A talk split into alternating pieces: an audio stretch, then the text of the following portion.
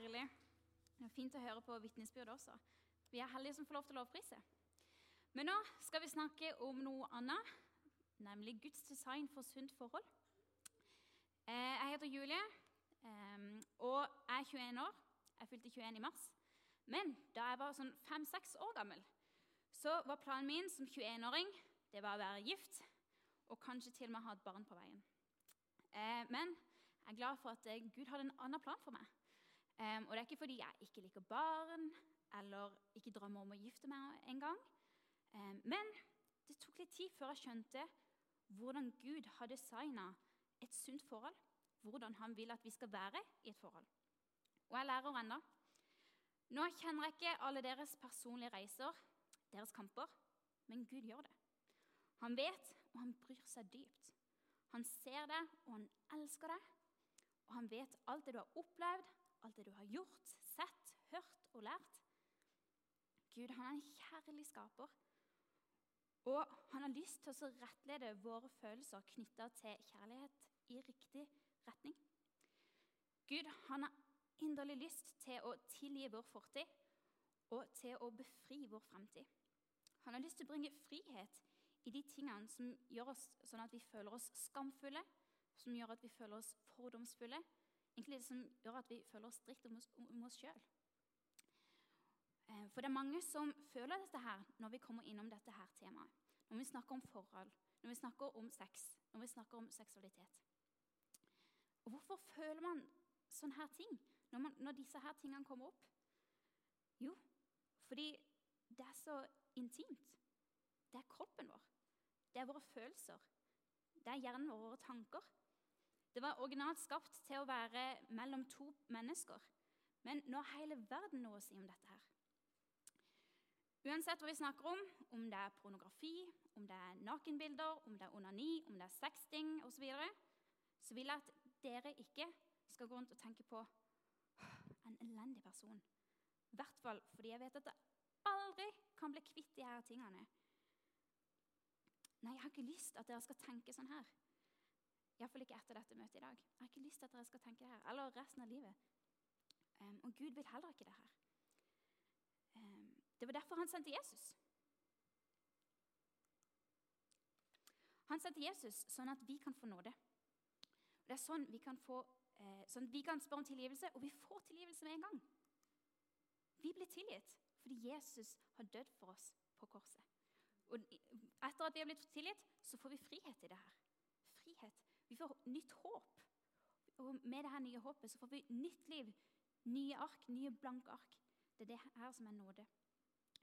Og Det betyr ikke at jeg eller Gud syns det er greit at man holder på med de her tingene. Men det å gå rundt med denne skammen og det å fordømme seg sjøl på denne måten eh, for det man har sett, det man har gjort eller det man har opplevd, det er ødeleggende for oss sjøl også, for oss fremover. Og det er ikke Guds ønske eller Guds plan for dere.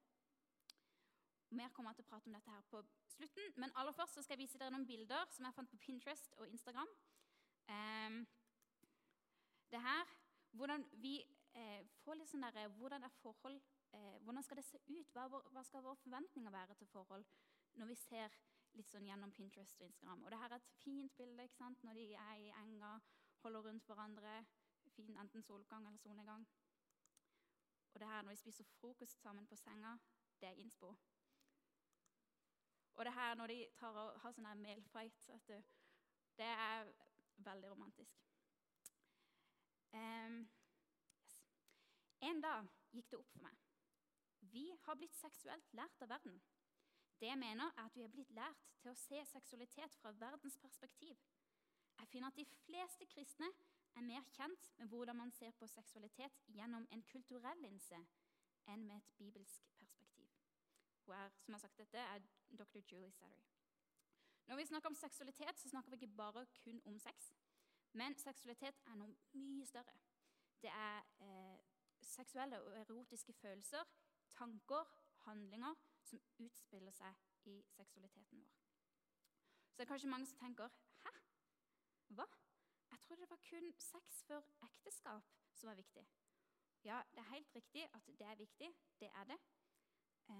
Men det innebærer så mye mer.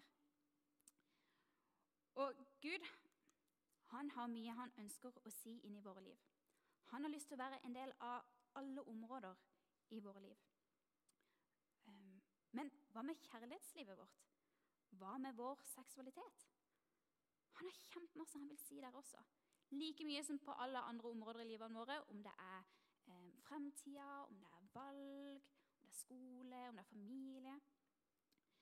Men så er det kanskje noen som tenker hvorfor det? Min seksualitet, mitt kjærlighetsliv, det er jo personlig. Ingen andre kan si noe om min seksualitet. Hvorfor skal jeg gi Gud tillatelse til å si noe om dette? Jeg vokste opp rundt mennesker som trodde at Bibelen ikke hadde noe å si på dette her området.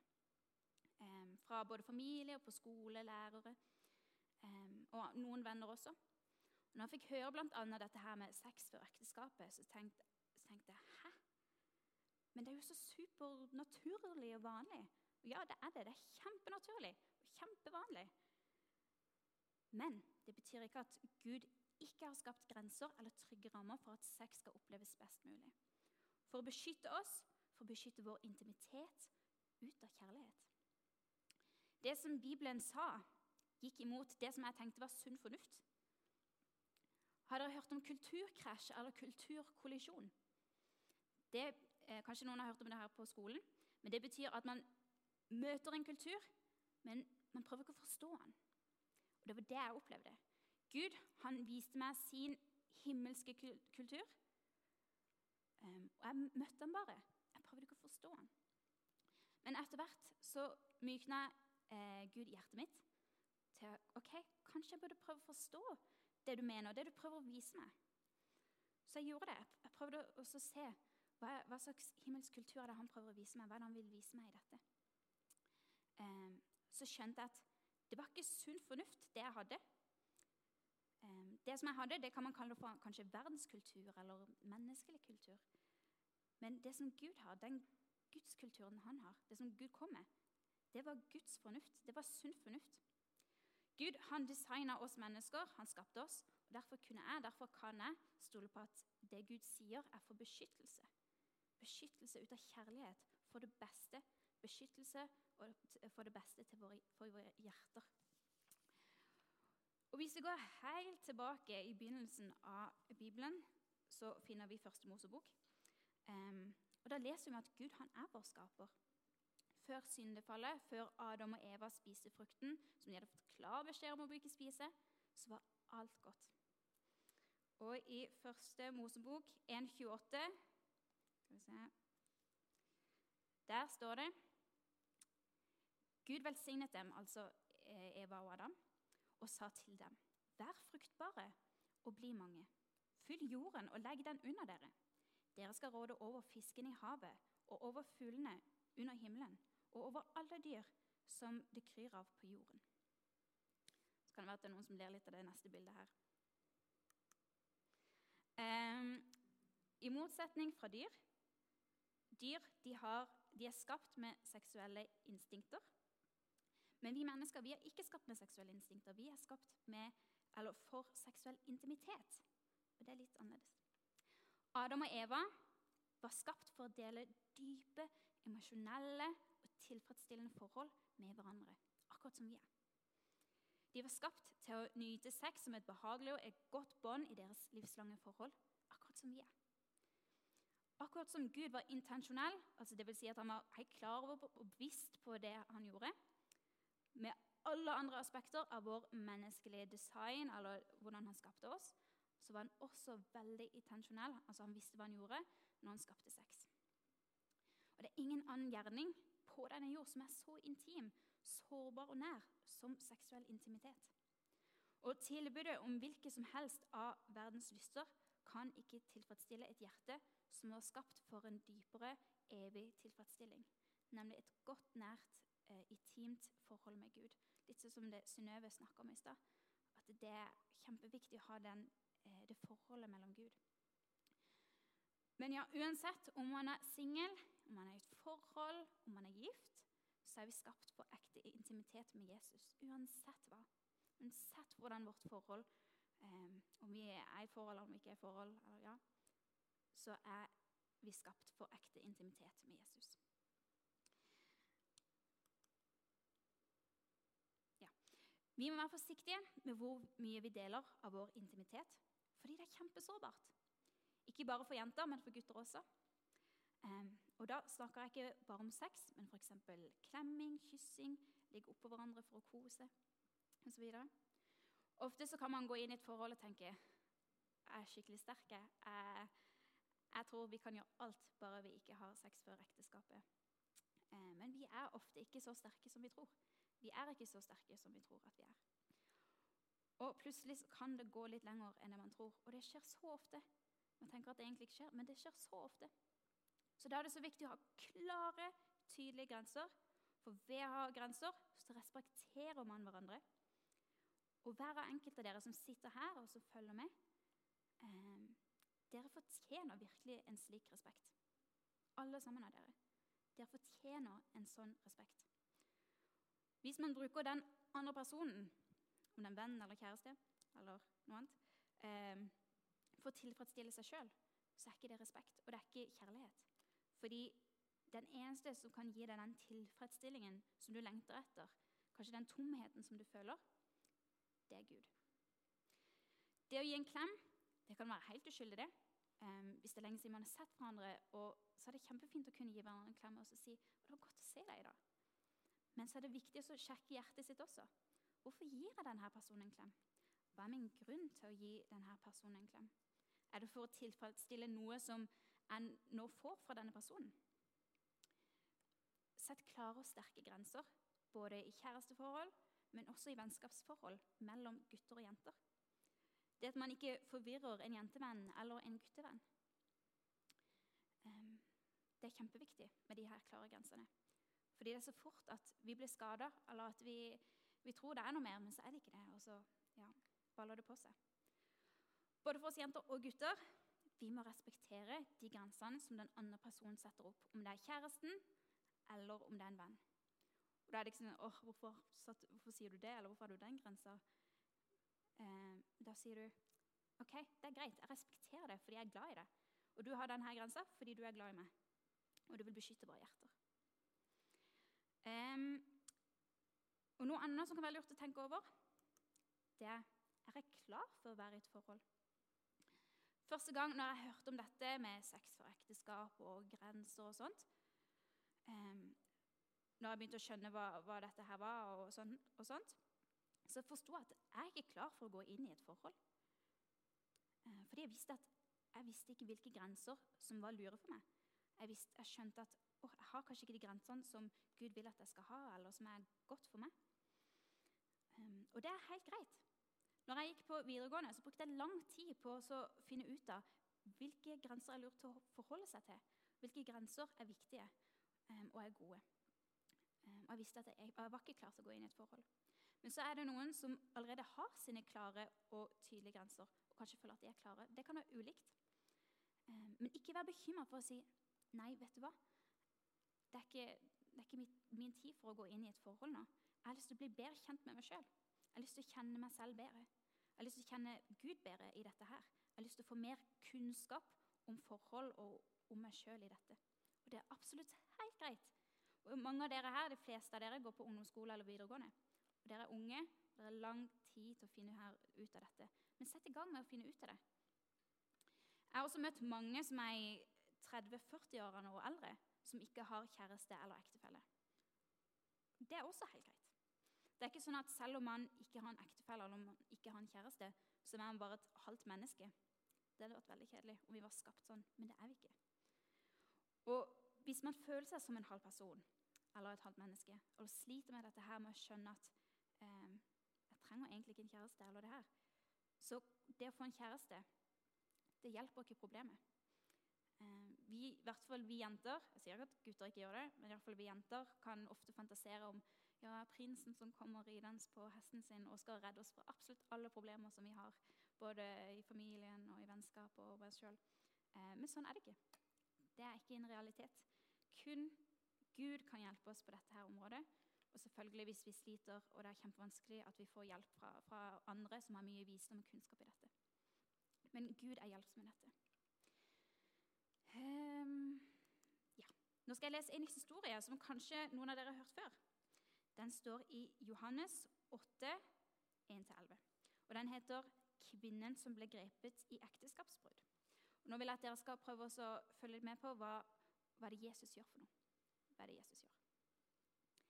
Så gikk de hjem hver til sitt, og Jesus gikk ut til Oljeberget. Tidlig neste morgen kom han til tempelet igjen. Hele folkemengden samlet seg om ham, og han satte seg og begynte å undervise dem. Da kom de skriftlærde og fariseerne med en kvinne som var grepet i ekteskapsbrudd. De førte henne fram og sa, 'Mester, denne kvinnen er grepet på fersk gjerning i ekteskapsbrudd.' 'I loven har Moses påbudt oss å steine slike kvinner.' 'Men hva sier du?' Dette sa de for å sette ham på prøve, altså Jesus, så de kunne få noe å anklage ham for. Jesus bøyde seg ned og skrev på jorden med fingeren. Men da de fortsatte å spørre, rettet han seg opp og sa, Den av dere som er uten synd, kan kaste den første steinen på henne. Så bøyde han seg ned igjen og skrev på jorden. Da de hørte dette, gikk de bort, én etter én, de eldste først. Til slutt var Jesus alene igjen, og kvinnen sto foran ham. Da rettet han seg opp og spurte, kvinn, og spurte, 'Kvinne, hvor er de? Har ingen fordømt deg?' Hun svarte, 'Nei, Herre, ingen.' Da sa Jesus, 'Heller ikke jeg fordømmer deg. Gå bort og synd ikke mer fra nå av.'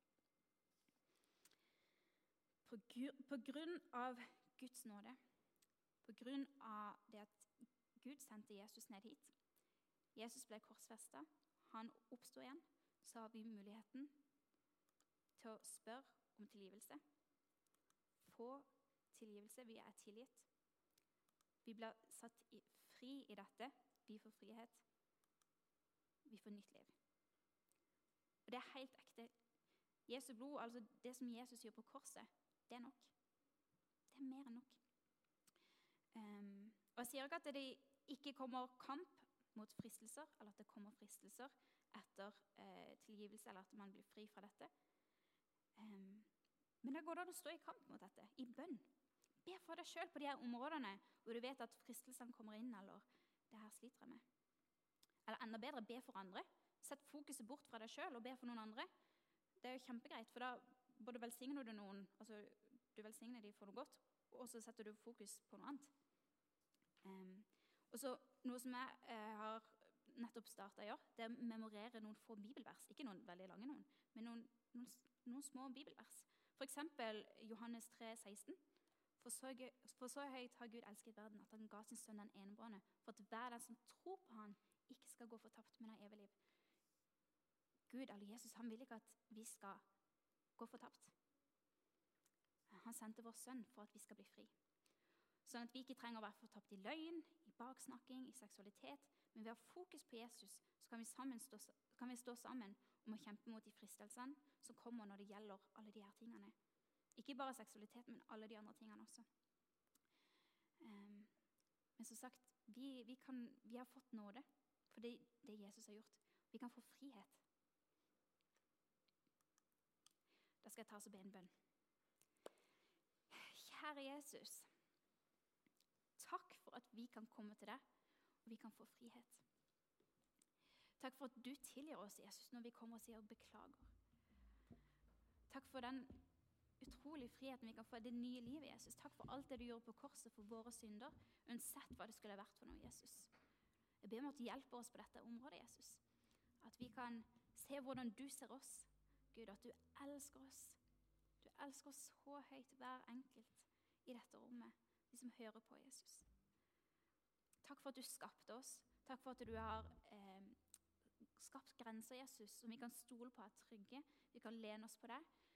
Vi kan vite at hos deg så finner vi fred. Vi kan hvile hos deg, Gud. Og vi vet at vi kan komme til deg og få rett eh, for veiledning, Jesus. Og eh, du kan hjelpe oss eh, tilbake igjen til deg, Jesus. Takk for det, Gud. Og jeg ber for dette her for alle oss. At eh, vi kan holde fokus på deg, Jesus. Holde fokus på deg i lovprisning i våre hverdagsliv, Jesus. Takk for det, far. Så ber vi at du er bare med oss resten av kvelden nå, når vi skal lovsynge ditt navn, Jesus. Eh, ja, At vi løfter deg høyt opp, Gud, og at du hjelper oss å vise oss hvem du er, far. Det ber vi om i ditt navn. Amen.